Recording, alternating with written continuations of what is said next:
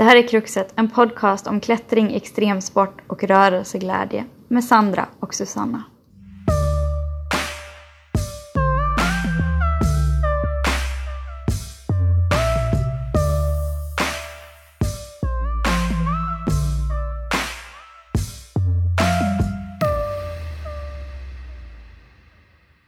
Right. Då eh, sitter jag här på kliniken, Malmö idrottsklinik, efter jobb och eh, har eh, Rickard Gillengren framför mig som jag har haffat då jag eh, tänkte ta tillfället i akt att snöja in lite mer på breaking.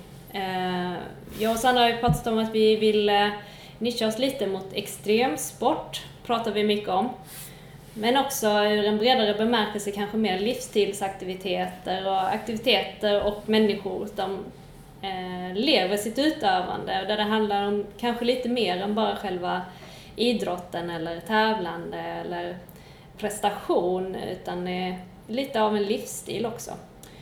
Och eh, ja, jag tänker att eh, vi kommer eh, lära känna Rickard under den här timmen så jag, vi kan väl börja med bara liksom en liten presentation. Vem är du Rickard? Alright, eh, Rickard. Eh, jag är född på 70-talet, början snarare. Och har eh, väl aldrig hållit på med, med olika typer av sporter som har varit åt det extrema hållet om man vill säga, men med, med hög risk för, för jag tycker det är, det är intressant eh, och stimulerande. Och jag har hållit på med allt från, från eh, kampsport till jättemycket löpning, till klättring, till capoeira och, och en del parkour. Och de sista 12 åren breaking. Det som de flesta känner som breakdance. Även om vi, vi gillar inte den termen för den, är, är lite kommersiell. Så breaking, b-boying, b-girling, eh, där b står för beat. Eh, och sen är det både killar och tjejer. Så det har jag hållit på med och jag känner att den här livsstilen pass tilltalar mig jättemycket och känner hur jag utvecklas utvecklats från innan jag började dansa till, till var jag är nu. Jag känner att jag har en lång väg kvar att gå så jag inser vad, eh, vad, vad den här aktiviteten gör med mig. Jag tänker att det kan den nog göra med andra också. Jag kan säga det att vi eh, har ju träffats genom eh, gemensamma vänner och också på klättercentret eftersom du också klättrar lite. Eller mycket kanske. och vi... Och då har jag ju tänkt länge att du skulle passa så bra in i den här kontexten eftersom du, ja, man hör redan nu att du håller på med flera olika av de här aktiviteterna som, eh, som vi eh, berör genom kruxet. Eh, Så, ja, så vi har väl då märkt att vi har många gemensamma intressen och har även haft lite, lite samarbete redan kring just breaking och, och dans, dansvärlden. Och du har på med capoeira också? Ja men det gjorde jag nog i fem, sex år. Eh, Ganska, och det där, jag lärt känna många fina människor genom-. Men jag tänkte att det här det är för mycket, många inslag av våld och aggression. Mm. Även om eh, aggressionen och den tilltalar mig, mig som, som man kanske att, att få utlopp. Men jag vill inte nödvändigtvis eh, skada någon annan fysiskt. Mm. Mm. Och så, så jag la ner capoeiran av den anledningen för det kändes negativt. Jag har tidvis också lagt ner klättringen för den har känts negativ. Mm. Eh, kravfylld, prestationsbaserad, ensam. Eh, varför jag tänker att breaking den, den lirar liksom socialt, eh, estetiskt också. Mm. Ja, intressant. Och, eh, men var det genom capoeiran som du kom in på breaking? Men jag skulle säga att det var för, eh, när jag höll på med klättring så träffade jag en polare Björn som, som också satte igång med klättring. Han hade hållit på med både capoeira och, och, och breaking sen tidigare. Jag kunde jättemycket akrobatiska grejer. Och eh, i samma sväng började jag lyssna jättemycket på din gata eh, och in, in på hiphopmusik samtidigt som jag tränade mycket och då var det mest löpning. Då kände jag att den här, min kropp fungerar inte i, i fasta mönster. Jag behöver någonting eh, arytmiskt, någonting, någonting eh, kreativt och intressant. Så, så springa till, till funk och hiphop, det, det blev bara fel. Och när jag tänkt igenom min situation, vad gör jag som är kul respektive inte kul? Vad jag lägger min fritid på och hur utvecklar det mig? Så tänkte jag, men jag ska nog dansa. Eh, och den enda dansformen som jag kunde tänka mig passade mig som person och musikaliskt, det var till någon form av funk som, som var hade inslag av, av provokation kanske av allt det extrema jag hade gjort innan. Och då, då letade jag upp en dansskola som hade breaking. Och började där. Och när är detta ungefär i tid? Detta var 2008. Eh, och då breaking har varit död länge egentligen. Eh, den var ju stor på 70 och 80-talet. Eh, 90-talet hade den en sväng i Malmö eh, och i Europa men, men överlag ga- ganska mycket dött ut. Så de, de breakarna som finns är antingen 25, 30 eller äldre. Eller så är de pyttesmå och går på dansskolor. Det, det är ett stort glapp däremellan. Det är få som är där i tonåren som ger sig in i breaking. Tonåringarna gör någonting annat Mm, mm. än just detta. Nej, det är intressant och det, det är också lite liksom, kul i sig med dig att du liksom gett dig in i, i breaking eh, lite senare inom, eller vad man ska säga, inom vad man kanske tänker, eller? Jag säga att mentalt så har jag ju varit i kontakt med breaking s- Ja. sen jag var tonåring. Ja. När jag har häng, hängt i stan i Malmö och Mm, okej. hängt med breakare, gått på samma fritidsgårdar, samma Mm. klubbar på, på Lindängen och inne i stan eh, och Söderkulla. Eh, även eh, i slutet på 80-talet i några polare som höll på med dans, också breakare. Eh, när han, han tränade ibland och försökte lära mig, han sa att jag var hopplös på, på att dansa, det skulle aldrig bli någonting för mig. Det är en av drivkrafterna i och för sig. Min personliga driv- drivkraft om någon säger att det inte går eller om jag själv känner att det är för svårt så, så blir det ett mål. Okej. Ja. ja, det är kul. Alla har sina ingångar. Men jag tänkte vi ska, vi ska nysta lite tillsammans i det här med breaking, eller framförallt ska du få göra det. Mm, ja men kul. Ehm, ska säga det också, om det kommer något ljud här i bakgrunden, så är det just för vi sitter på kliniken, men det vi, vi kör på. Um, jo, men breaking då alltså. Vad, vad är breaking? Liksom- breaking är ju miss, missförstått av, av många, men det är en central del av, av hiphopkulturen. När, när, när folk säger hiphop så tänker man på, på rappare med, med guldkedjor och, och solbrillor som, som sjunger kvinnor nedvärderande texter eller, eller Eh, lyfter upp kriminalitet eller någonting annat. Men hiphop i sin grund är, är fyra element och det är DJing, MCing, graffiti och breaking. Och det var de, de elementen tillsammans så, som kom ut i en smältdegel i Bronx någonstans på 70-talet ur, ur situationen där. Musiken hade utvecklats långt tidigare. Men, men det hände en massa intressanta saker musikaliskt. Eh, och, och där breakingen föddes var egentligen att DJs började sätta ihop musik. Och det hade inte hänt innan. Man har ju lyssnat på, på spellistor sen tidernas begynnelse. Att man spelar en låt och sen så skiftar man till nästa och kanske inga övergångar eller man hoppar inte tillbaka. Det händer ingenting interaktivt men men då var det några DJs, Cool Herc bland annat och Grandmaster Flash som, som, som började, började ta funklåtarna och scratcha upp dem, mixa ihop dem, göra, göra slingor.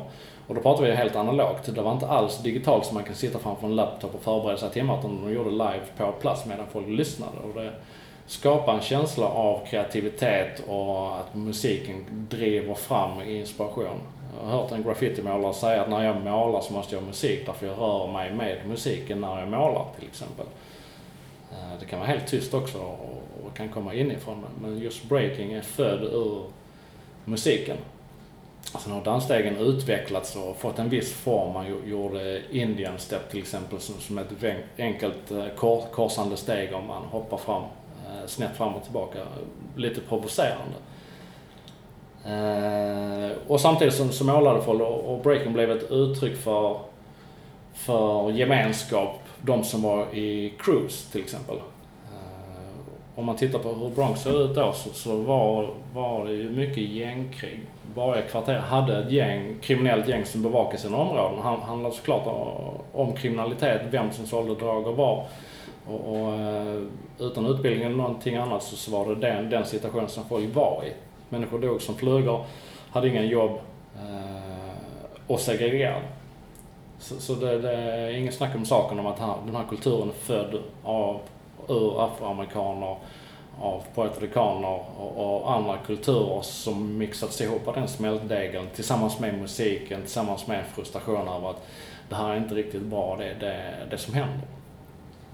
Så någonstans så, så började Cool Herc eh, och andra göra street parties, spela ute och samla folk. Eh, och man kunde börja gå någonstans utan våld. Det är klart att eh, våldet och kriminaliteten hängde i luften och droger fanns överallt men, men folk samlades i en positiv kontext. Eh, rappare rhymade om innehåll, om hur de upplevde livet och världen, om deras åsikter och synpunkter.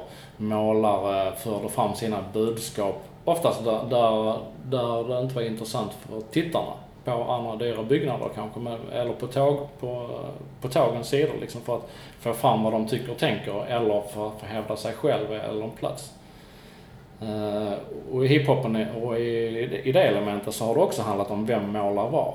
Målar man över någon annans, målar man någonting som någon annan har gjort innan så, så kan det bli, bli uh, riktigt brutalt, liksom en biff. Uh, eh, och med rappare så, som hävdar sig själv på olika sätt eller som kanske trashar varandra i text men, men egentligen så handlar det om att uttrycka sig musikaliskt och helst live. Att inte skriva en text i förväg och, och läsa upp den som, som, eh, som en utantill-text utan, utan vara i ögonblicket och säga vad man tycker och känner och göra det i ett flow, i en rytm och, eh, musikaliskt. Och så hade vi, och det är ju MCs som snackar, som är Master of Ceremony, som snackar, snackar i en mikrofon för mm. folket, som skapar en stämning. Mm. DJn skapar stämningen genom att välja intressant musik som tilltalar den stora mängden.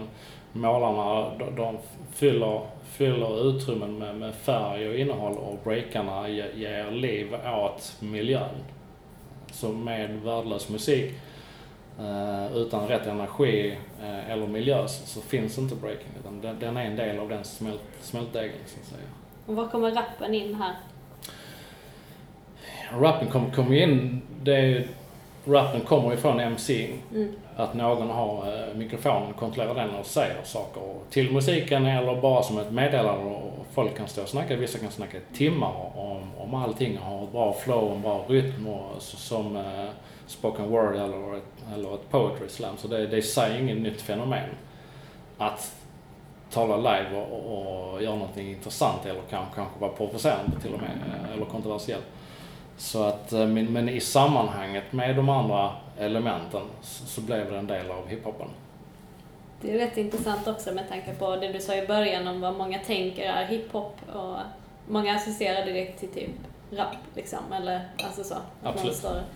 Och så eh, är det egentligen något som har kommit ur, alltså har ett annan, en annan um, grund. Liksom. Ja precis, det har, blivit, det har blivit, det blev snett redan på 80-talet när, när stora varumärken såg att ja, men det här, den här kulturen den, den har, eh, den har ett, ett värde. Vi, vi, kan, vi kan sko oss på den. Eh, MTV kom ut och man började, började ta in breakare och personer ur eh, hiphopkulturen och publicera dem och de fick signa för olika labels. Folk plockade upp dansare och sa men du, ta på dig den här Adidas-dressen eller fila eller Hilfiger mm. eller vad du vill liksom med, med en clean från, från topp till tå och representera vårt varumärke. Och, och det blev eh, och, och, då kom det här glada lilla leendet och det skulle passa den, den breda amerikanska massan lite grann mer. Eh, artisterna fick inte utrymme riktigt och för sig själv som musiker oftast får göra. Man får anpassa sig till mainstream för att kunna komma ut. Och kan, kanske sen så kan man ge sitt egen, sin egen prägel på, på det man, man äh, levererar. Mm. Och namnet äh, Breaking, var kommer det ifrån? Uh, oh, det kan jag nog inte svara riktigt på. Uh, det kommer nog egentligen mest för, för, från breaksen i, i musiken. DJn lirar och han gör breaks med, med en scratch eller han gör markering på, i, i sin vinyl. Rycker den fram och tillbaka på skivspelaren så det blir att uh, man har sin rytm och sen så kommer den där liksom. Och den är inte, den är inte producerad, den finns inte på skivan utan det är DJn själv som väljer var den passar in och det kan den vara i, man hör den komma i förväg oftast när man, vilken musik man än lyssnar på så kan man känna igen, det finns ett mönster. Så, så eh, man lägger det in, in till exempel på sex eller åtta takterna, mm. någonstans där, som passar med musiken för att det ger också utrymme för dansarna att markera någonting. Mm. Här liksom gör jag en annan markering för att visa att jag, jag förstår musiken, jag är närvarande exakt här, denna millisekunder. Okay. Att man är med i Ja, för jag, jag tror jag någon gång jag har hört någon, någon version om att det är någonting med att man kommer in i ett break och att det är en dans som kommer in där. Nej, nej den, Och att- den är ju snarare musikalisk. det är, det är en, kanske en ganska vanlig missuppfattning liksom. Ja, men det är det nog. snarare handlar om att man markerar breaken i liksom. Ja, jag kan ha fel, det kan ha en annan mening, men, men det är det som jag har hört, eh, från olika håll att det är den. Och den där är central i musiken, så vi dansar att det finns en break. Missar man den breaken så, hej då är man inte på musiken, då är man inte närvarande, då gör man någonting annat liksom. Ja, men det är ju så med, med många dansstilar att det är lite så här, vad, vad, ibland kan det bli, bli riktiga konflikter. Var kommer det ifrån och vad liksom, det är som step eller eh, ja men också det här med eh, house, eh, som är liksom en del liksom ur streetdanskulturen och sådär Mm. som har det kopplingar till liksom ehm, ja men till mer afrikanska, olika afrikanska dansstilar eller liksom någon helt annanstans i världen för att det liksom Oh ja, beroende oh ja. på vad och det är ju samma lite med breaking så här. Mm. Där tänker jag också igen så här, kopplingen till capoeira. Eh, där har man liksom olika historier också. Ja, det finns likheter med capoeira. Vissa, vissa, vissa rörelser är, är, är lika varandra. För Mm. breaken hämtar från, från massa alla. Den hämtar från kung fu bland annat. Den har hämtat från, från mambo. Många latinska danssteg kommer från, från kubanerna och puertoricanerna. Mm. Man har tagit, tagit andra grejer som man har sett på film någonstans. Men det var mycket kung fu som influerade och det var jättemånga filmer s- s- som gick och, och eh, kidsen gick, på bio och kollade och kunde inte sluta kolla och sen tränade de Mm. och, och fick till massa go-downs, eh, kom upp igen, snurra runt på händerna, alltså massor med grejer. Som eh, Jackie Chan eller, eller som de gjorde på eh, film om och om igen. Det. Ja, för det är väl liksom rätt mycket olika typer av eh, eh, steg eller så som man jobbar med. Jag Man Ja, men- steg, men jag ska- moves. Jag ska break, Eh, breaka down det eh, Ja, lite grann. Om man delar in breaken i, Ja. i någon slags form. break down the breaking. och- Ja, exakt. Så Mm. om, vi, om vi, har, vi har förstått att det finns en musik som passar. Musiken är, bygger på afroamerikansk musik egentligen. Soul, funk, eh, R&B och, och det går liksom tillbaka långt, långt. Eh, jag har ett annat spår som jag ska ta om det som vi kommer till i slutet på samtalet. Men, men just eh, musikaliskt. Eh, och då, då passar, oli- har man tagit olika danssteg och om man ska göra en form av breaking så delar man den i fyra, fyra, fyra delar. Fyra nya element om man så vill. Ja. Och det är, man står upp och dansar då, då gör man top rocks. Eh, eller så är man nere på marken och, och, och, och dansar med, med händerna och fötterna i, i olika mönster. Då är det footwork. Eller så, så gör man en freeze, det vill säga när man avslutar. Eller om man ska markera någonting i musiken, då stannar man till. Oftast i, en fysiskt svår rörelse och visar hej, jag kan, jag kan detta liksom. Försöker göra likadant. Och om de försöker göra likadant, då är de inte kreativa. Eh, då är man en biter och, och då, då passar det inte liksom. Eh, eller så, så gör man power moves och det är det som folk mest tänker på. Åh, breakdance. Och kan du inte göra en bakåtvolt? Eller kan du inte snurra på huvudet? Men, men det, är, det är en del av, av att visa sin förmåga att ja, men jag kan göra detta också, men till musik. Och det är också en sån här klassisk grej, eh, många gånger lite sådär, eh, beroende på vad man har för publik, alltså sådär, vilka saker som går hem. För att just kreativiteten är ju en del som vissa skulle kanske reagera mer på. Att göra något, en väldigt enkel grej jäkligt snyggt och jäkligt kreativt och jäkligt tajmat versus en bakåtvolt. Liksom. Exakt. eh, Och det är alltid så här eh, när man ser det inför publik så är det ju ofta eh, bakåtvolten som får en massa applåder liksom. Det kan också vara så här. Ja men exakt. Så att, men det, det, det är också en del av det intressanta att mm, vi får utrymme att göra sådär svåra, riktigt svåra grejer efter, efter egen förmåga och utmana oss själva att ge sig in i någonting som liknar gymnastik. Eh, egentligen. Eh, det kommer en del grejer därifrån också, flares bland annat. Som, ja, var de nu kommer ifrån. Men man gör den gymnastiken också. Eh, eller bar eller andra grejer med, med händerna i marken och fötterna i luften. Så att det är de fyra delarna som man ser som är, som är formen att göra breaking i. Eh, och sen tar det aldrig slut. Så man, man lär sig göra kanske en, mellan minst fyra och kanske åtta, tio olika top rocks. Eh, till exempel. Som heter, heter en massa olika men, men de, är signifikanta för breaking. Man kan se dem i andra dansformer. Salsa kan man se en hel del i. Man kan se en del i, eh, i uh, Indienstepparna är väl lite, jag vet inte, det är som ett discosteg antar jag. Så det, det kom, discon var ju parallellt med att breaking kom så det finns en del grejer som man har tagit där och, och tweakat. Sen så när man är nere och gör foot, eh, footwork på marken så finns det också eh, en, en uppsjö av mönster som man ska göra i sin grund. Och sen, sen så har alla breakar som har funnits någonsin, alla försöker göra någonting unikt. Och kan man, kan man göra någonting för första gången då sätter man ett namn på den. Lite grann som att man, man namnger en led som man, man gör första, första klättringen på. Sätter man den och säger man den här är min liksom, och då kan ingen annan ta den utan att visa respekt till killen, tjejen som är eh, upphovet. Eh, eller olika typer av freeze lär man sig. Eh, elbow freeze, baby freeze, turtle freeze. När man står på händer så liknar capoeira egentligen.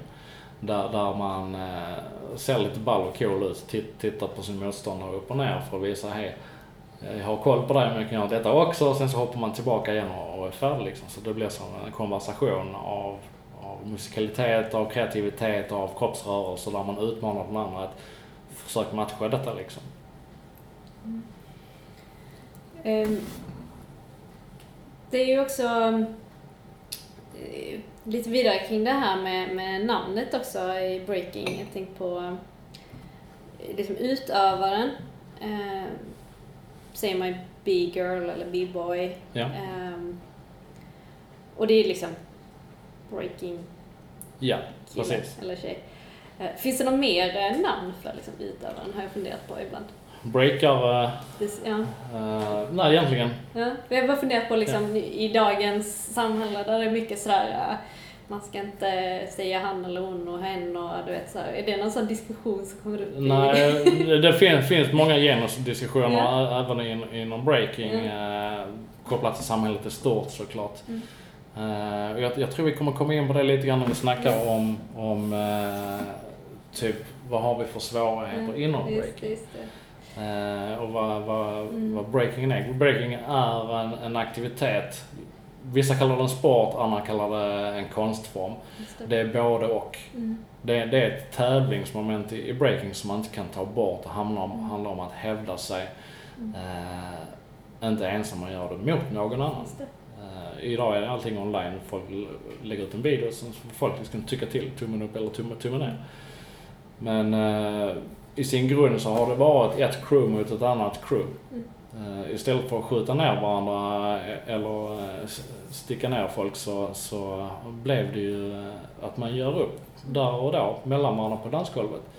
Visst, det kan ju arta till våld också för, för att någonting går snett. För vi snackar ändå oftast om killar med kort stubin med mycket testosteron så, som, är, som gör det här istället för våld. Så, så att element, det hänger i luften liksom. Men det är en tävlingsform, kan man kalla den sport, fine. Där man utmanar, det finns någon som vinner. Mm. Men det är också en konstform där man kan inspirera varandra, utvecklas och uttrycka någonting speciellt. Eh, visst, man kan utmana varandra men det behöver inte leda till aggression eller vara aggressivt ens. Utan det kan vara vackert och inspirerande att uttrycka olika personligheter och man kan känna vad folk tänker, tänker och känner. Eh, man kan se deras historia lite grann när de rör sig och, och, eller klär sig för den delen. Det tycker jag, eh, jag har haft så himla positiva erfarenheter av det lilla jag har eh, kommit i närheten av just breaking. Att eh, just när man tänker på det här om det är tävling eller en konstform eller så. För eh, inom dans kan det ju vara väldigt mycket konkurrens och rivalitet och, och olika dansforum, olika dansgenrer, olika dansskolor eller sådär, arenor. Ja, absolut. Eh, och där har jag ju varit med liksom ganska många gånger i ganska hårda klimat och det är väldigt mycket så man känner nästan lite den att när man kommer in så är det lite så här, man kan få en annan blick som är lite så här. vad ska du visa här eller liksom, vem är du som tror att du kan stå längst fram i den här lokalen och så. Och min erfarenhet nu med breaking har varit så otroligt positiv just när det kommer till det. För jag minns det liksom tydligt när jag varit på sådana liksom jam sessions eller så här, eller där, det, där jag känt lite så oj shit, folk tittar och så märker jag att nej, men de är bara nyfikna. Alltså det är mer typ så, oh, vad gör du? Liksom. Vad, Ja, Alltså det har varit så himla, och det, jag kanske bara haft tur, men eh, och liksom att man eh, har varit väldigt generös med liksom att lära, lära ut och lära varandra och lära av varandra. Ja, och det är en del av kulturen. Eh, att kulturen är, ska vara inkluderande för vem man är, är och var man än kommer ifrån. Om du inte har pengar att betala för en dansskola, ja men, ja, men dans, här måste vi lära dig liksom. Eller, eller det spelar ingen roll om du har rätt kläder på dig eller inte. Det, det är vad du gör som räknas. Eller hur du hanterar dina svårigheter. Alla har ju olika liksom, skala på vad, vad är min svårighet. För att få, få lite respekt. Men det, det finns mycket beefs av tradition. Eh, behov av att hävda sig, att eh, trycka till någon annan för du ska inte tro att du är någonting. Vem är du liksom? Du ser he- helt wack ut. Din stil är he- helt värdelös. Eh, och, och så. Tittar du på ett battle med, som, som hettar till så handlar det mycket om att kränka den andra. Förnedra eh, inför alla andra. Göra någon osäker och på det viset så, så lyfter man upp sig själv lite grann. Det, det är mycket, men det är en del av spelet. Att kunna göra det. Och jag tror det som har hänt de sista, sista åren här med sociala medier är att mm, folk kommer inte undan med en då, negativ och dålig attityd. Det syns liksom. All, alla eventen filmas, alla battles. Att sticka ut och, och göra någonting så, som, eh, det där är inte okej. S- så, som och, och, alltså, vad som, om en kille beter sig illa mot en tjej och det är på video. Den killen är ju, han, han kan aldrig gå någonstans efter det. Liksom. Han har förnedrat sig själv. Samma sak ifall man tar till våld eller, eller någonting annat som bara är, är det är inte okej. Så folk, folk jag, tycker jag bör börja ha en skönare stil. Det, ta fighting till exempel. Två boxare, de, de eh, kanske hetsar upp sig själv eh, på olika sätt eller provocerar den andra för, för att bygga upp en, en viss grej. Men jag tror många fighters, de, de gör sin fight men efteråt, så alltså, det är över liksom. Man kan kanske bygga upp en stämning innan man gör sin fight men efteråt så alltså, det är fine liksom. Det är två stycken atleter som, som har kommit till den punkten för att göra upp och, och sen har man gjort upp, det är färdigt. Och lite så tycker du det är liksom, i alla fall i seriösare... Ja men jag tycker det och jag har varit runt på, på många olika ställen. Eh, stora tävlingar, små jams, lokala grejer. Eh, olika andra grejer inom hiphop och kollat på, på rap battles och hela den grejen och upplever att det är en öppen mick på en klubb. Det kommer upp rappare och alla sjunger på lite olika sätt, har lite roliga grejer. Eh, och det är jätteinspirerande. Det kan lika gärna vara så, att, så att det är en tävling om, om 20 000 spänn då, då är folk inte så trevliga längre. Och då ska man ha de stålarna. Liksom. Det är samma sak med pris i en tävling. Det är någon som ska ha det, det är någon som ska ha äran och pokalen. Så att om man snackar, snackar breaking som, som sport eller, eller kultur så, så är min ingång är nog med att jag värdesätter den kulturella delen. Den här inkluderande, det här som som är kreativt och intressant. Eh, där man kan ta in lite grann mer vem som helst. Alla behöver inte bli vinnare. Nej, precis.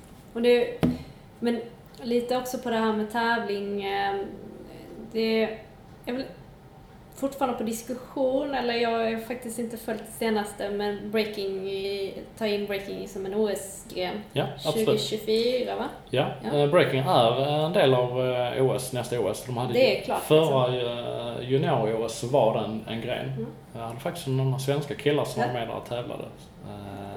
Som blev utplockade. Men, och i och med det så har, har breaking blivit en del av Danssportförbundet. Och på så sätt så kan man också ansluta till Riksidrottsförbundet och, och då, då händer någonting annat. Då, då blir det en liten, eh, ett, en vägg lite grann mellan det kulturella och, och tävlingsformatet. För, för inom OS kan man inte sticka under stol men det finns ett format för hur man får lov att se ut, vilken musik som får lov att spelas, eh, kanske till och med vad man får lov att ha på sig. Och och det, det kan ju hämma lite grann av kreativiteten när, när det blir ett för fixt mönster. När det slutar vara individuellt. Men, men, men okej, jag, jag ser fram emot utvecklingen för jag tycker att det, det kan driva på mer intresse kring breaking. Att folk, man kan börja träna mer metodiskt strukturerat, få mer, få mer inslag av förebyggande träning så, som andra idrottsmän. Eh, så det är bra på alla sätt. Eh, såvida man inte tappar den kulturella delen. Nej, precis. Vi har, vi har diskuterat det med andra klättrare liksom, och jag har också diskuterat det med Sandra i någon annat, något annat avsnitt tror jag. Eh, just hur liksom eh, man pratar med någon klättrare som liksom just det här, hur klättringen börjar bli mer uppstyrd och liksom just där folk tränar förebyggande och i gymmet och liksom Uh, och det är ju, och det, jag har ju liksom varit en del i det på Klättercentret kanske, liksom, eller jobbat i alla fall för det. Uh, men det var intressant att höra hans synpunkt på det var också lite så här, lite, lite kluven. Det var ändå så här, men det är ju jättebra såklart att folk inte, att folk tar hand om sig och sådär men, men uh, någonting försvann, det kan försvinna lite det här spontana och liksom, ja, jag kan relatera till klättringen, ja. den där radical surf klättergrejen som man såg på, på eh, Valley Uprising till exempel, på klätterfilmer man ser. Men det fanns ett gäng, gäng eh, snubbar som var extrema i form av att de brydde sig inte så mycket om så mycket. De sökte bara kicken och upplevelsen. Mm. Och de, de, kunde vara där i flera månader och fine, man kunde se hur de satt och puffade på kvällarna men sen så klättrade de livet av sig nästan på, på dagarna och, och, och käkade mat som de hittade mer eller mindre. Eller bara ren livsstil. Uh, inte för, för att jag är föredragande på något sätt men, men eh, uh, sättet att inte bry sig så mycket om, om vad andra tycker och göra sin mm. grej tycker jag, tycker jag är ett intressant fenomen. Mm. Att liksom, ibland kan man också vilja värna om det där att det blir ett rätt eller fel-tänk eller så här ska man träna om man, och så här ska man, ja om man breakar eller om man klättrar eller sådär. Men, men ähm, Ja, men nu är jag inne på det här med, med sport och så. Skulle du se breaking som en extrem sport? Skulle det falla in under det paraplyet? Eller liksom? Ja, men det skulle jag alla gånger. Mm. Uh, om, jag har inte läst det, vad folk definierar extremsport som, men jag skulle säga uh, svårt hög risk. Mm. Uh, det är väl det. Alltså risk för att skada sig permanent, kanske till och med dö. Det är inte jättemånga som dör av breaking, men det finns folk som skadar sig brutalt allvarligt och aldrig kommer tillbaka igen. För att, för att det är väldigt riskfyllda rörelser, speciellt power moves. Eller eh, egentligen också risken för överträningar. Att det blir en passion och det går inte att lägga ner. Och framförallt så gör det ont. Det gör ont som in i bomben att lära sig breaking. Och kan man inte passera den, som i skating till exempel, skulle jag säga en extremsport. Det gör ont att lära sig skata. Mm. Kommer man inte förbi den smärtan så kommer man inte att skata så länge liksom. Eh, utan man måste över den tröskeln som, som eh, egentligen skulle kalla ballett som en extremsport också. Mm. Otroligt plågsamt, hög risk för skador alla gånger. Mm. Men det ses inte som en extremsport, men, mm. men den disciplinen som krävs, eh, kadaverdisciplin till exempel, för, för att komma igenom och sen hur, hur förstörd kroppen kan vara när man är färdig, innan man är 30 ens. Mm. Sen tar man inte ett danssteg till. Eh, inom balett får man dansa någonting annat. Jag vet inte, zumba eller något. Precis. Men eh, extremsport alla gånger just för att det är så hög risk. Vi dansar på, på ett hårt golv, vi, vi vrider oss, vi hoppar, eh, Eh, vi snurrar runt, slår oss blåmärken, skrapmärken, sönderslitna ligament, eh, muskelfästen, eh, muskler som går av. Allt som kan hända. Ja, nej men precis. Och, alltså, definitionen för extremsport är ganska diffus och det liksom finns ingen riktigt så här, men, men high risk eh, så här, brukar ju vara något som kommer upp mycket. Mm. Men sen är det ju många andra komponenter som kommer fram om man nystar lite mer det här med extremsport och då är ju just det här med livsstilsaktiviteten en ganska stor bit eh, i de flesta av de här, de här eh, och att liksom Eh, det också handlar mycket om att utmana den egna, det egna psyket, utmana adrenalinkick, eh, liksom eh, exponera sig för rädsla och liksom, ja, alltså exponering och sådär. Ja, absolut. Att det är många sådana bitar och där känner jag också lite så, och när jag liksom, när man läser om extremsporter så kommer inte ofta breaking upp sådär som en av liksom, men jag kan ju också, precis som du många gånger såhär bara, det, det skulle ju liksom också kunna, kunna Ja, ja. Det, men det är lite olika beroende på, på hur, hur man utövar det. Är, är det en tävling där där man kanske går, förbi stil och det handlar om att okej okay, nu, nu är vi på femte rundan liksom. Det handlar om uthållighet, vem som kan göra det mest tekniskt svåra. Då, då eh, ökar man insatserna.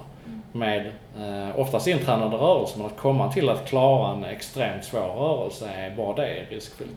Så att de, de som är där, som gör de här svåra powermovesen, där, då är vi på en extremsport. Men, men sen har vi cyphercats som, som går in i cirklar och som gör, gör tekniskt, eh, musikal, musikaliskt tekniskt svåra grejer. Så, som är intressanta, kreativa, som kanske bara kommer en gång och så, som har, har såna lustiga mönster och gör någonting helt oväntat som passar in. Det är, nej, det är inte så hög risk för att skada sig eh, på det sättet. Inte genom att falla, trilla eller vrida sig. Men det kan vara extremt på andra plan också. Ja, absolut. Ja. Men, men eh, vad, vad, vad skulle du säga krävs liksom för att hålla på med breaking? Finns det liksom någon kravprofil eller nu, nu kanske det till och med finns definierat inför OS men eh, lite sådär, vad, vad, Ja men det är det nog. Vilka jag skulle säga, eh, du behöver inte ha alla lemmar i behåll ens. Du kan sakna, du kan sakna ett ben men, men det, det man behöver det är en passion för att göra det som man håller på med. Vilket gäller alla sporter och idrotter om, om man ska fortsätta så om vi gör, tar en, slut, en slags uteslutningsmetod istället och säger kravprofilen ska säga de som uppfyller den, det är de som fortsätter med breaken. Det är inte de som börjar och provar den. Därför jag tror att alla kan få rätt på sin break. Alla kan göra de här top rocksen, alla kan göra någon form av footwork. Man kan göra olika freeze, man kan stå på knä, göra en freeze till och med och bara sätta hakan i handen och, och se ball ut. Det är också en freeze. Uh, backspin kan alla göra. Min mormor kan göra en backspin uh, säkert. Ja, ja. Det är när man ser ut som en sköldpadda som hamnar på ryggen och så snurrar man runt. Exakt, och så snurrar man helst mer än ett varv. Ja. Men eh, kravprofilen skulle jag säga, som skaterna, man måste klara smärtan att, att, att lära sig stå på handlederna och lyfta upp fötterna, att komma dit, hitta rätt teknik.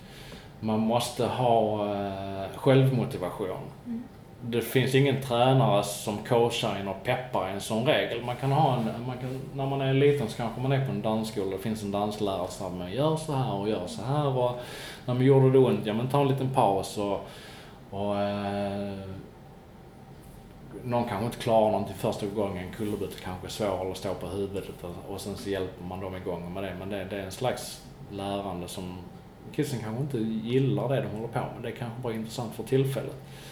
Men kravprofilen är definitivt en, en egen motivation att utvecklas.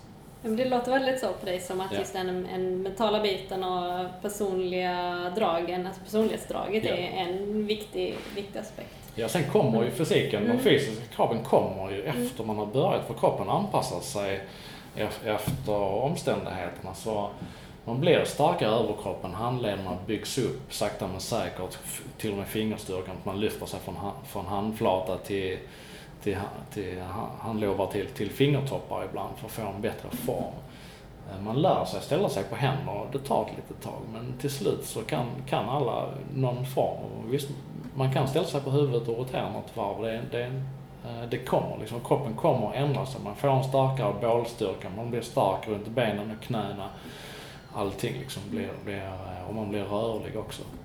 Ja, för det, det som är också, igen, en liten parallell till klättring så är ju, upplever jag i alla fall breaking lite sådär att det är lite sådär, du ska bara lösa problemet utifrån det, ta det du har.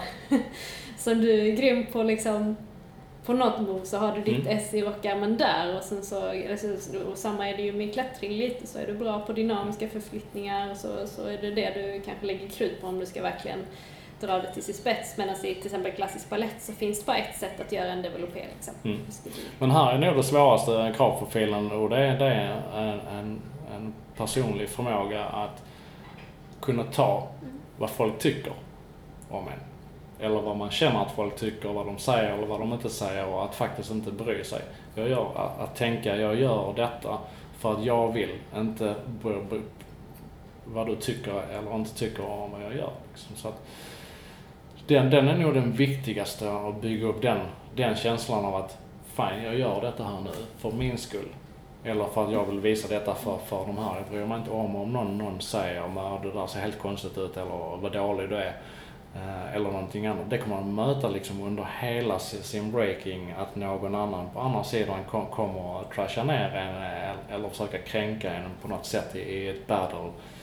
Eh, eller eller man kanske ska dansa offentligt på en scen eller i en cirkel och står massa jätteduktiga dansare och man själv känner alltså jag är inte alls så här bra.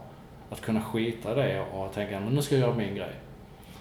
Och göra det. Den, den, det är nog den, den eh, mest avgörande.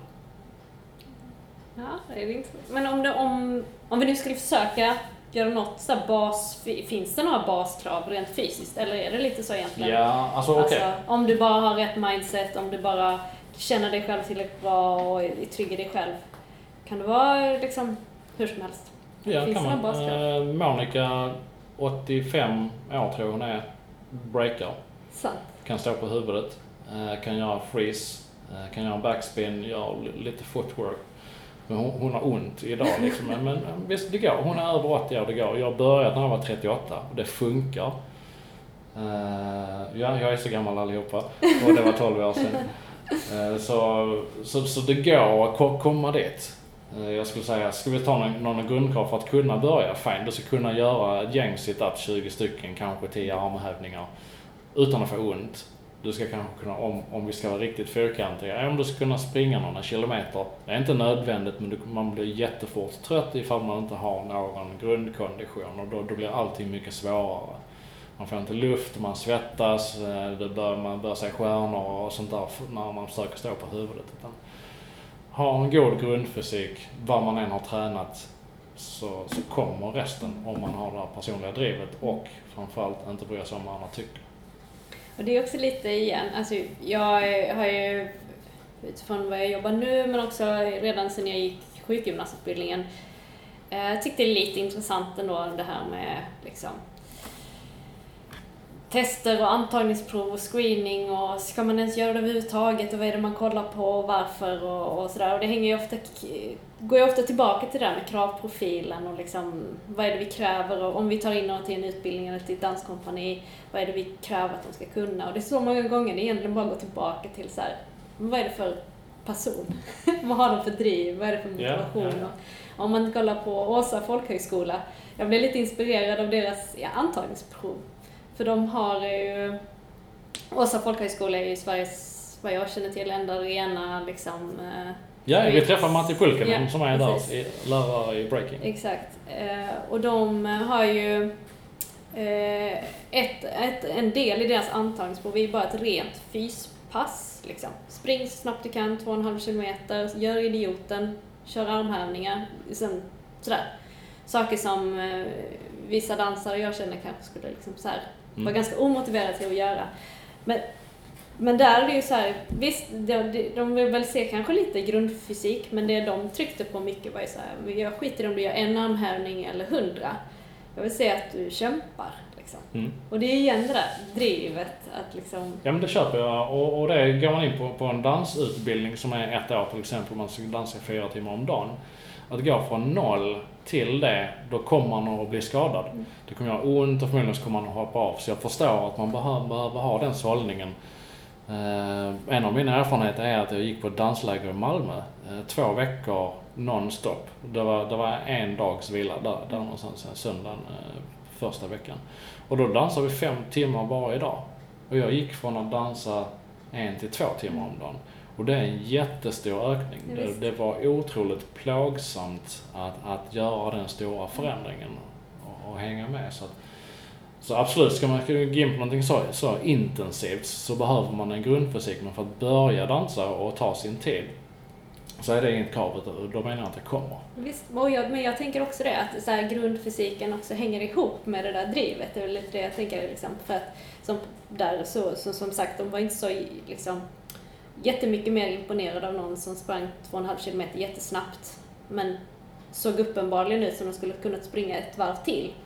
Eh, men bara slackat sig igenom liksom, utifrån sin Mm. jämfört med någon som verkligen kämpar sig igenom. För, och jag, så kan jag känna också på, på utbildningen där jag jobbar ibland att ser jag liksom någon som verkligen kämpar och tar i, eller framförallt tar i liksom, eh, då, då känner jag att där finns kanske, där finns liksom potential att bli ännu starkare och liksom utvecklas vidare. Kommer en kollega in till igen.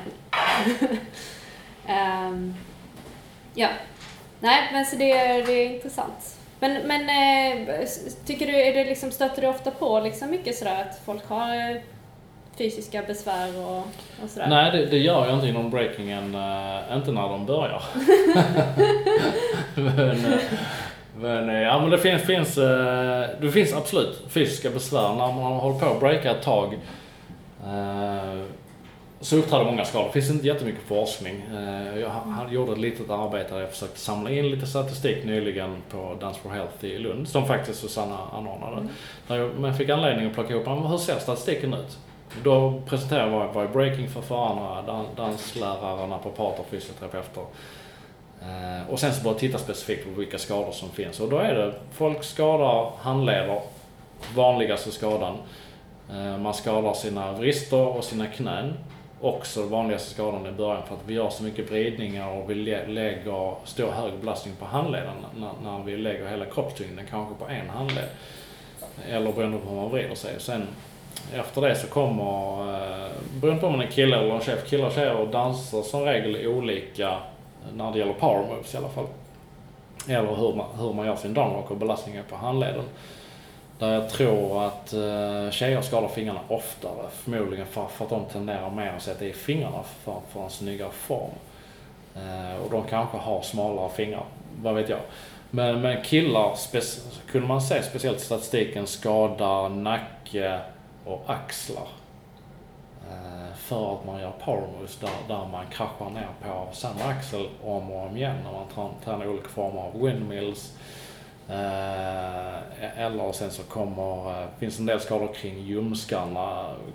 Man drar, drar isär sina ben och behöver spänna höften väldigt intensivt och benen utåt och dra från insidan av låret i en riktning med benen i luften. Och då, där kan, kan man dra ljumske, förstöra höfter.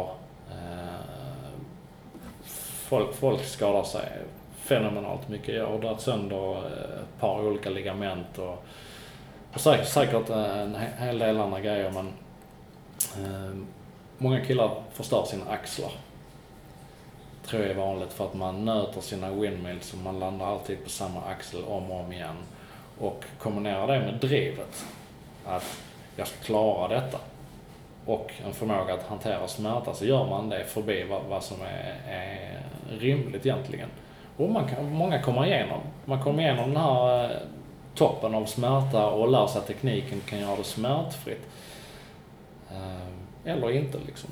Det är också det, jag läste en del, eller så också när vi har pratat om och så här, det här med motivation och sådär och att ehm, eh, många gånger så, man, om man pratar om yttre och inre motivation eller, eller sådär vad man har för typ av, eh, alltså vad man känner belöning ifrån om man känner belöning utifrån eller att jag, jag, jag åstadkom någonting utifrån att jag presterade i förhållande till andra eller jag presterade i förhållande till mig själv.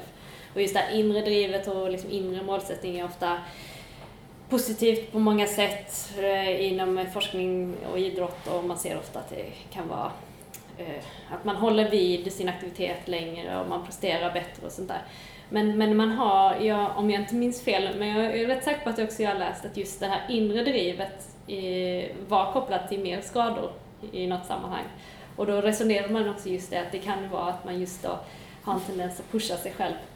Alltså just det där, det hänger ju liksom, kan ju ibland hänga ihop med liksom att man eh, man håller i väldigt länge, man, man ger inte upp, vilket det kan vara bra på många sätt, men ja. man kan också nöta någonting till förbannelse. Jo, men så det, det, det såg vi i det arbetet vi tog fram eh, efter att kollat igenom en artikel från eh, två, en doktor tror jag och en fysioterapeut från Svenska Olympiska Kommittén som kunde se ett tydligt samband och det var en annan artikel som visar på samma samband att den avgörande faktorn, det man kunde se, det är att för mycket träning eller enformig träning ger högst risk för skador. Och då är frågan, ja men vad är för mycket? Mm. Är det att man tränar för många timmar totalt eller är det för att man gör samma sak om och om igen? när man inte borde. Eh, och då tror jag att många, många av skadorna som uppträder inom breaking är, är lite grann för att det finns ju ofta ingen tränare som kan se det liksom. Du är på väg att göra någonting för mycket. Prova att göra någonting annat eller träna någonting annat en period, gå och träffa en fysioterapeut eller en läkare för den där skadan kom tillbaka och sen komma igenom sina skador så som fotbollsspelare kanske gör. Eh, de är ju på planen igen bara efter de har dragit sina kors. Alltså, de drar sönder sig fullständigt men de är ändå tillbaka. Liksom, för det, man håller ögonen på dem. Och det, det, är ingen som gör det på breakarna så att det är lätt att gå på för mycket. Speciellt om man lägger till den personlighetstypen som kanske är där och gör just det. Som har det här, det drivet som du snackar om. Det, det är lätt att gå på för mycket. Och det handlar också, och då, då glider vi över på, på mentala besvär och mm. hinder lite grann som den artikeln också vill peka på att det har också med personlighet att göra om man tränar för mycket. Det vill säga, vad säger, har man, är man aldrig nöjd? Är man aldrig, aldrig nöjd eller tycker att det är bra nog, då kommer man kanske pusha sig så att det blir bättre, även om det gör förbaskat ont. Kanske klarar sig man, men de, de flesta, kroppen kommer vinna över huvudet i, i det fallet. Eh, kanske också kopplat till vad man får för självbild och självkänsla. Eh, är det här snyggt? Nej, det är det inte. Gör det igen. Är det här bra? Nej, gör det igen liksom. Och liksom, just det, det kanske kommer in lite på, för att det är väl lite de här bitarna som du eh, nistar lite nu i ditt engagemang i breaking, om jag har förstått det rätt, mm. och i eh, så jag tänkte vi kanske ska dra det lite liksom, vad du sysslar med liksom, eller hur du... Ja men det kan vi göra. Jag vill ta upp en grej till. Jag ja. snackade med en kompis igår och tänkte men det här är en svår fråga. Susanna kommer fråga mig vad, vad är vanliga mentala besvär ja. i, inom breaking. Eh, och den, den, den hänger ihop lite grann med, då, med eh, att jag jobbar i BAM och de projekten som jag gärna jobbar med. Och, och det kan vara jäkligt kontroversiellt, kanske någon, någon som är breakare någon annanstans lyssnar på det och det där stämmer inte alls. Men det här är mina personliga åsikter Eh, och vi ska inte sticka under stol med breakingen kommer från en hiphopkultur som är väldigt nära en drogkultur, som är nära en kriminell kultur. Det finns element av det eh, i oss som tycker att det här är intressant och, och, och coolt, tilltalande liksom. För killar. Speciellt för killar. För, för tjejer, tjejer är, är någonting helt annat. Så att, Eh, om man ska vara provocerande så skulle man säga om det finns, eh, inte ett utbrett missbruk, men det finns eh, inslag av missbruk inom hiphop. Det finns det definitivt, det finns inget som man inte kan säga och, och det finns det även inom breaking. Eh, drogliberalt. Eh, I vissa fall och, och rent missbruk i andra fall. Det finns definitivt en machokultur. Killarna är överrepresenterade i, i breakingen, det finns tjejer också. Men det är snåret att komma in som tjej när det, när det, när det ryker testosteron och killarna är så jäkla hetsiga och, och få utrymme där. Det, det krävs det är bara vissa tjejer som fixar det liksom, som, som kan, kan, kan stänga ner, äh, inte anspela på sin sexualitet alls, äh, eller sin feminina kropp och bara kötta på, på killarnas villkor nästan, vilket är lite synd. Därför tjejer kan ha en riktigt skön stil på dansmässigt, kreativt, eh, alla de tricken de gör som killar kanske inte kan för vi är inte så rör, sällan så rörliga på det sättet. Så att eh, visst, det, det, det finns en del i breakingen. Varför också backa tillbaka till sport respektive kultur. Mm. Kan man, kan man ta bort det helt när vi vill röra oss i en kulturell zon där vi är nära eh, droger kanske kriminalitet eller kanske inte kriminalitet på det sättet men killar och tjejer som kanske skulle välja kriminalitet för kicken men som kanske mm. väljer någonting inom hiphop istället för att det kan ge samma kick mm. av spänning, av svårighet, eh, av att känna sig värdefull. Så ingången och liksom syftet till att man håller på med breaking kan vara lite skev liksom. Ja men det, det kan det nog vara. Liksom, jag skulle säga det är också, ja, det är också kontroversiellt men, men om du tar, tar uh, lille Olle från, från Svedala som tycker att breakdance ser ju jätteroligt ut, mamma kan inte jag få prova det om han är åtta år gammal. Mm. Och mamma tar honom till en dansskola så får han lära sig li, lite av grundgrejerna och tycker men det här var jätteroligt och föräldrarna klappar händerna som, som någonting annat. Han, han kanske inte känner, har, kommer ha det drivet. Förmodligen inte. Eh, han kan få det. Men han kanske inte förstår bakgrunden till en sån drivkraft att, att vilja ta steget till, till någonting svårare. Ta, eh, ta en kille som kanske inte får gå i skolan, som, som inte har det så fett alltid. Han kanske har ett annat sätt att hantera svårigheter. Att inte bry sig om vad andra tycker.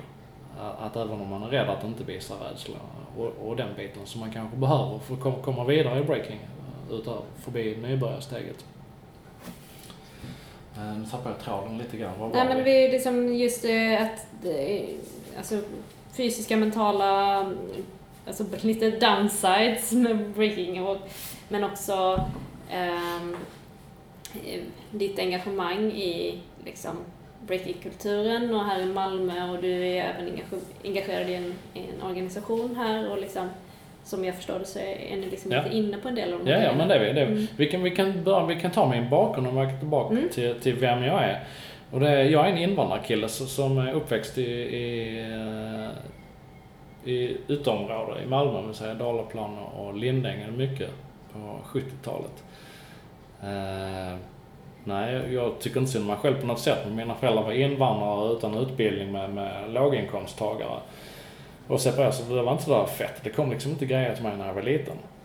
Eh, det var inte självklart att någonting skulle hända och dessutom att vara svartskalle på, på en blond skola var det var också lite utmanande att behöva ta emot den skiten som kom därifrån eh, och komma igenom. Och, hur jag närmade mig tonåren och kom in och hängde mer med invandrarkillar eh, än med mina gamla klasskamrater. För att ja, men de, de hackade inte på samma sätt.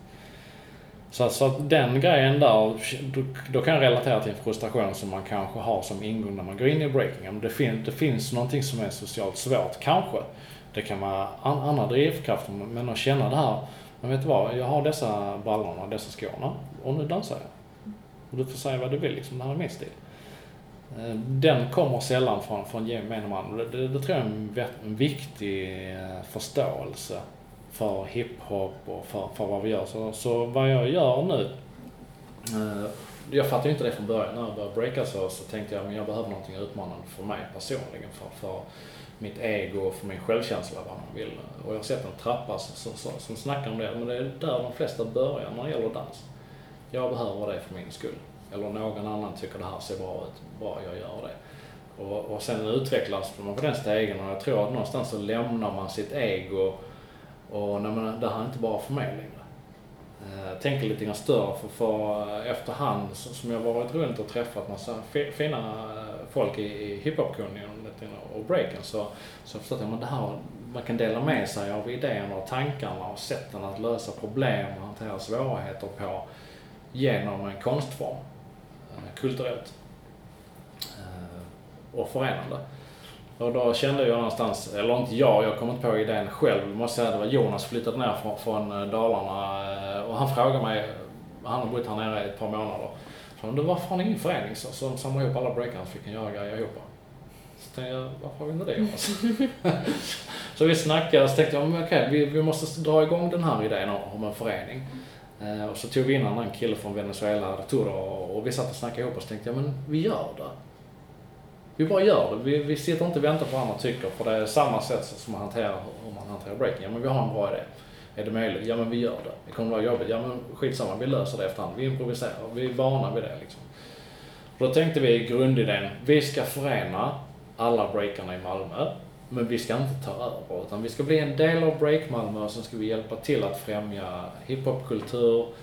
Vi ska eh, urbana konstformer. När vi skrev vår vision så sa vi, vi kan inte bara snäva in oss, vi ska bara jobba med break. Utan allting som, som hänger ihop med att eh, jobba med kultur och, och, och, hjälpa människor må bättre. Eh, speciellt unga människor. Ska vi göra liksom. Breaking är ett verktyg och, att förena är ett annat verktyg. Att att eh, nätverka, att eh, skapa plattformar, ställen som folk kan gå till, känner vi. Men då är vi på essensen av, av hiphopkulturen. Då är vi inte längre på musikvideos som, som går på, på Insta eller Youtube där, där man ska se ball ut, köra en bil och, och tjejerna ska ha, ha stora rumpor. Liksom det, det, är inte det. vi ska inte hålla på med den skiten alls. Och, och vi ska inte, det är inte genom stora tävlingar och bli kommersiella, det är inte det vi ska göra heller. Utan vi ska vara här i Malmö och vi ska få folk att jobba ihop eh, tillsammans. Så det var äh, ingalunda bara min idé och, och det har liksom växt och vi börjar engagera folk runt omkring oss och vi gör, vi gör kulturella evenemang. Ibland med inslag av tävling men, men det är inte huvudsyftet utan det, det är få folk att börja förstå och ta den, ta den stegen tänker jag att, ja men visst börjar du dansa för din egen skull. Bra, det känns nice. Om du är lycklig när du dansar bra, äh, jättefint. Då är det liksom, det är stort det är liksom en milstolpe. Men det är, det är ett steg till att börja förstå massor med fler saker. Att börja träffa andra människor och inte bara ta intryck av, av sig själv, sina närmsta polare som man har, sina föräldrar, sina lärare. Utan förr eller senare så kommer man träffa folk från andra delar av världen med, med andra insikter och idéer och sätt, sätt att uh, lösa problem. Men jag tror också det finns ett väldigt starkt behov av det, just sådana här typer av aktiviteter där det liksom inte självklart är en lärare som lär ut eller en kurs. Att man tar tillvara, det är ju genom sådana här forum som man kan ta tillvara av erfarenhet eller samla erfarenhet och låta den utbytas på ett organiskt vis. Ja, ja, ja. Så det är ju skithäftigt. Så vi tänker, vi hoppas ju att eh, vi ska bidra till, ja men fler kids som, som kanske har, har, har lite driv och, och känner att alltså, det jag gör just nu räcker inte, jag måste göra någonting roligare. Även om det är för att de bara vill göra någonting för sig själv så, så ska vi bli öppna för det. Kom in i hiphopkulturen genom breakingen, eller egentligen föreningslivet. Att jobba tillsammans, att utmana sig själv fysiskt och utvecklas mentalt. Så om du lyssnar på det här och inte känner till det innan så ska du verkligen kolla upp och tycker det här verkar spännande så ska ni kolla upp eh, Breaking Association Malmö. Yes, BAM. vi finns på nätet eh, bamkultur.se. Eh, bam.se var upptaget av någon anledning. Mm. Men absolut, bamkultur.se där, där kan man se styrelsen och vad vi jobbar med, våra tidigare projekt och våra kommande. Och vi har jättemånga roliga grejer i röret. Mitt, mitt närmsta projekt är att jag ska sticka och köpa en begagnad kvast och så ska jag ställa den i baren på Mikella för jag känner barchefen där och sen så kan alla breakarna använda den och sopa golvet med Folkets Park där vi brukar träna måndagar och onsdagar. Skitbra. Det är hiphop. Ja, mycket. Och sen så har du ett till äh, längre fram. Ja men det har jag. Jag har, har ett, ett annat projekt på gång äh, där vi samarbetar med, med en organisation, eller en kille i Nigeria och, och det här är en lite längre historia, men den hänger ihop med, med allting annat som jag har tänkt innan för att uh, jag fick, fick den där av en kompis uh, när han förklarade att han och några till de stack till Kuba. Uh, med statliga pengar. Konst, från konstnärsnämnden och de hade en idé. De ville titta i var, hur dansar man på Kuba? Hur relaterar det till breaking? Eh, så jag tror de var tre stycken som stack dit och var borta ett par veckor i alla fall. Och, och de, de dokumenterar allting. Snyggt filmat allting och man kunde se, se var, var grejer kommer från. Jag tänkte jag ska, det där skulle jag också vilja göra. Jag skulle vilja dyka in i, i hiphopen och breaking och börja förstå mer om eh, man behandlar allting om. Och sen av en slump så satt jag och, och bläddrade på Netflix och hittade en serie som heter We Speak Dance det var en tjej, jag tror en kanadensisk dansare, eh, contemporary, som, som eh, dokumenterade dans i olika delar av världen. Hon var på Bali och tittade på deras dans bland annat. Eh, ett av avsnitten var handlade om Lagos i Nigeria. Där det bor 20 miljoner människor och hon visade hur, hur de lever, olika dansformer som de har där. Ingenting relaterat till hiphop egentligen, utan deras lokala grejer så tänkte jag någonstans att eh, fasen alltså jag behöver vidga mina vyer, jag måste förstå någonting bättre. Så, så jag, jag började nätverka och fick, fick eh, via någon, jag tror någon tjej i Stockholm som sa snacka med, med någon snubbe i, i Lagos, han har koll på det. För jag tänkte specifikt Lagos för det fanns så många delar runt omkring improvisation, dans och musik. Så jag tänkte här händer någonting inom breaking i Afrika så måste det ju vara i Lagos. Så jag undersökte vilka länder finns det breaking i. Uganda är stort, Sydafrika är stort. Eh, jag tror Kenya är stort. Eh, jag kan ha fel om Kenya, men det är i alla fall stort i Nigeria. Så okej, okay, av de jag skulle vilja resa genom alla länder, om det visar sig att eh, efter nätverket med Victor då, Victor Osokoko Owakwe, Uh, han svarade på min text och tänkte, men du, han var skeptisk till en början. När kommer en vit kille från ett land som han inte vet vad det är och vet inte vem jag är och bara frågar honom massa frågor om, ja men vad händer i breakscenen i, i Lagos? Och jag hade ingen aning om vem han var. Men han var trevlig och det tog ett tag för honom att få förtroende för att ja, men jag var genuin, jag var nyfiken och, och jag kände att jag ville göra någonting. Så jag diskuterade med honom, men vad händer i Lagos liksom? Så sa han, jo, jag har ett event som händer i, i september. Eh, kom ner till det så ser du. Eh, och han gick i spinn också på att det skulle komma ner en vit kille som han tyckte var, han är ju kändis. Men, men det var jag inte. Jag, jag var bara någon skojare från Malmö, 300 000 människor liksom. Som ska ner dit, 20 miljoner människor i staden. Så eh, jag, jag, jag gjorde en projektbeskrivning, sökte pengar för konstnärsnämnden för att sticka dit för jag var sjukt nyfiken på vad, hur, hur breakar man där nere? Det är ändå där som som musikalitet och kreativitet kommer ifrån. Om vi pratar hiphopkultur så tänker jag men det är förmodligen så, någonstans där. Det är inte mambostegen i, i, på Kuba jag söker. Det är var de kommer ifrån. Så jag tänkte jag kanske kan hitta tekniska sätt att dansa i Afrika som, eh, eller i Lagos som anknyter, men där jag kan hitta, hitta spår till vad gör vi idag och vad har de och var kommer det ifrån. Jag stack dit och var där i, i en vecka. Fick vara domare på en tävling, vilket var helt, helt stört jag kan, kan knappt dansa jämfört med många av dem där eh, som tävlade och jag skulle döma dem. Eh, så jag var inte med på domarfotot efteråt. Ändå. Men ändå, jag, det, det funkar. Jag gjorde domarsolo som gick sådär. Eh, det behövde inte filmas som man säger. Så, men det var roligt och jag höll workshops. Eh, det var kanske 30 stycken killar och några tjejer som kom till en workshop där jag skulle prata om, eh, jag skulle göra lite olika footworks. Och det visade sig att jag höll på i två timmar nonstop. Nonstop workup två timmar. Och jag höll på att avlida av luftfuktighet, av vätskebrist, av utmattning för det var fysiskt svårt och, och det var ingen av dem som backade ens från och sa att vi behöver en paus eller, eller så. Och på de två timmarna var det två saker som jag lärde dem som var nya. Som de inte redan kunde. Och någon av de killarna som var där var, skulle tävla sen också. De ville få idéer och inspiration så jag pratade mycket om om hur man skapar, hur man gör variationer. Jag pratar en del om musikalitet, hur att hitta musiken. Eh, och det var inte ens mina egna grejer jag lärde ut, om jag hittade eh, en eh, Cone Island Spider som, eh, som en kille från New York hade visat mig en gång. Eh, kom på vad han heter snart och sen, sen så snodde jag eh, Caspers eh, Three Step han gör en freestep när man är en, två, tre. Men på tre så går man ner på rygg och sen så vrider man upp till, till, till uh, en freeze igen. Sjukt svår. Nice. Men jag hade koll på den innan jag kom dit. Tänkte jag måste göra no någonting i alla fall. Uh, ja, en av killarna som vann, vann uh, var med i finalerna i alla fall. Nej, han fick inte vara med. Men en av Afrikas bästa dansare från Uganda, Bossa. Okay. han var med i uttagningen till Taipei B-Boy City från, från, uh, från Uganda. Han var med på min workshop. Till exempel så. Och en annan kille som heter JC som är Nigerias, den bästa breakaren i Nigeria. Han får inte vara med på tävlingen längre, därför han tar hem det.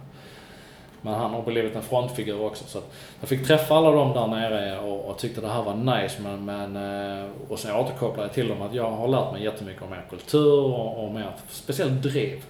Drivet som de har att gå och träna fast de inte har det finns ingen dansskola de kan gå till, det finns ingen elektricitet eller belysning. Det finns inget golv, det kan vara jord, stampad jord men, men oftast kanske betong. Betong är inte snällt mot en breakare. Eh, så de dansar på ett annat sätt. De gör inte slides som, som Europa och USA, för vi är vana vid att dansa på jättefina golv. Utan när de gör power moves så är det händerna i marken och resten i luften. Liksom. Det är ingenting som glider. Så jag fattar lite grann av, ja men vad handlar det om? Och tänkte, det här det måste finnas en fortsättning. Så jag tänkte fortsättningen är att ta, ta eh, de två killarna, Victor och JC, till, till Sverige och kanske någon till, helst en till en tjej. Men jag fick bara ihop två eh, till den inbjudan och jag fick stålar av konstnärsnämnden för en turné i Skandinavien, vilket blev Danmark, Sverige och Norge. Av de två som kunde resa så var det då tyvärr bara en som fick sitt turistvisum godkänt. Eh, utrikesdepartementet, eh, egentligen först ambassaden och sen migrationsverket sa att ja men det är för hög risk om han kommer hit därför han har ingenting att hämta i Nigeria. Vi anser att han kommer att stanna kvar och bli, söka asyl. Så han får inte komma hit tyvärr. Nej. Det, det var helt wack. Den andra killen, JC, eh, han kunde dokumentera sin dans lite grann mer. Och han hade fått resa i Europa tidigare för han hade tävlat i, jag tror det var Battle of the Year, eh, några år tidigare. Han fick, fick visa. Så det var en kille som kom, JC, till, till, eh, till Malmö och hämtade honom. Vi var runt, vi var på Jam i Oslo, vi var i Linköping, massor med grejer, träningar i Malmö, stack över till Köpenhamn och, och snackade med någon breaker där också och gjorde en intervju. Så han filmar och dokumenterar massa. Och jag ville plantera idén om kulturens värde inom breakingen, om vad är hiphop? För, för när jag var där nere så snackade alla om hur ska vi tjäna pengar på breaking? Hur ska, vi, hur ska det komma pengar till oss? Vad ska vi göra? Eh, vem ska vi snacka med? Alltså desperationen över att det finns ingen jobb, det finns ingen, ingen statlig infrastruktur eller skyddsnät whatsoever. Eh, det går inte att gå i grundskolan utan att familjen måste betala för det. Eh, ännu mindre eh, gymnasium eller universitet. Och även om du går till universitetet och har examen i ekonomi så finns det inget jobb. Du kanske får jobba i en kassa. Kanske. Om du känner någon. Så, så att även om det är ett av världens rikaste länder så, så finns det ingenting alls. Mm. Eh, och ändå liksom deras energi kring, kring dans och deras hunger och driv känner jag, det här är helt rätt. Det är det här som är, är det som behövs för, för att hålla på med breaking. Men, men de, de har dåliga förutsättningar för att få det att snurra. Eh, Så jag snackade med, med Victor och sa, men bra, vi försöker komma ner ett större gäng. Det ska inte bara vara jag. Eh, det blev ju bara jag som åkte ner första gången och när jag gjorde utbytet i, i Sverige och JC kom hit så var det bara han. Det var bara två personer. Jag, jag tycker inte om idén om att det är avhängigt på, på en person utan det behöver bli fler. Varför jag ville ha, kunna ta i tre stycken. Och eh, jag sökte pengar, fick pengar också för att resa till eh, Lagos. Där, som är inspirerad av en jättecentral punkt. Och det är Måns Durden pratade i Malmö i höstas eh, på en föreläsning i samband med Hip Hop Weekend. Han hade en föreläsning om hiphopens ursprung, spirituella ursprung.